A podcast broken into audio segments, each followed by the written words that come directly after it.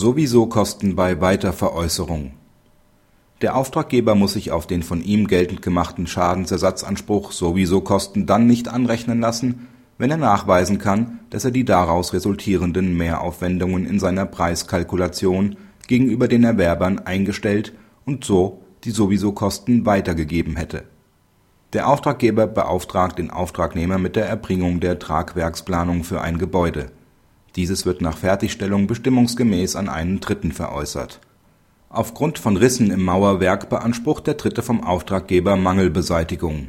Dieser wiederum verlangt die hierfür erforderlichen Kosten vom Auftragnehmer. Der Auftragnehmer wendet hiergegen ein, dass bei korrekter Planung die Decken des Gebäudes acht Zentimeter stärker hätten ausgeführt werden müssen und die daraus resultierenden Mehrkosten als Sowieso-Kosten von der Ersatzforderung abzuziehen sind.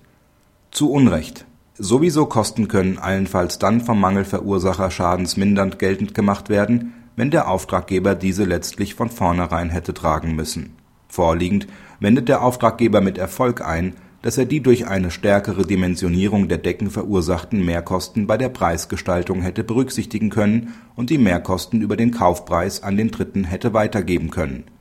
Hierfür reicht dem OLG der Vortrag des Auftraggebers aus als sich die Mehrkosten pro Gebäude in der hier insgesamt 27 Gebäude umfassenden Anlage auf lediglich 1.200 Euro belaufen hätten und die jeweiligen Erwerber angesichts der Geringfügigkeit im Vergleich zum Gesamtkaufpreis ohne weiteres eine entsprechende Preissteigerung akzeptiert hätten.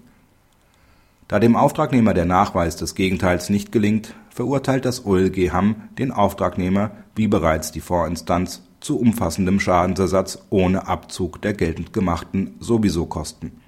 Praxishinweis Bereits am 12.10.1989 NJWRR 1990, Seite 89 hat der BGH entschieden, dass ein Generalunternehmer, der von seinem Subunternehmer wegen eines Planungsfehlers Schadensersatz verlangen kann, aber gehindert ist, die bei der Mangelbeseitigung entstehenden Sowieso-Kosten seinem Auftraggeber in Rechnung zu stellen weil mit diesem ein Pauschalfestpreis vereinbart worden ist, sich diese sowieso Kosten nicht im Wege der Vorteilsausgleichung anrechnen lassen muss.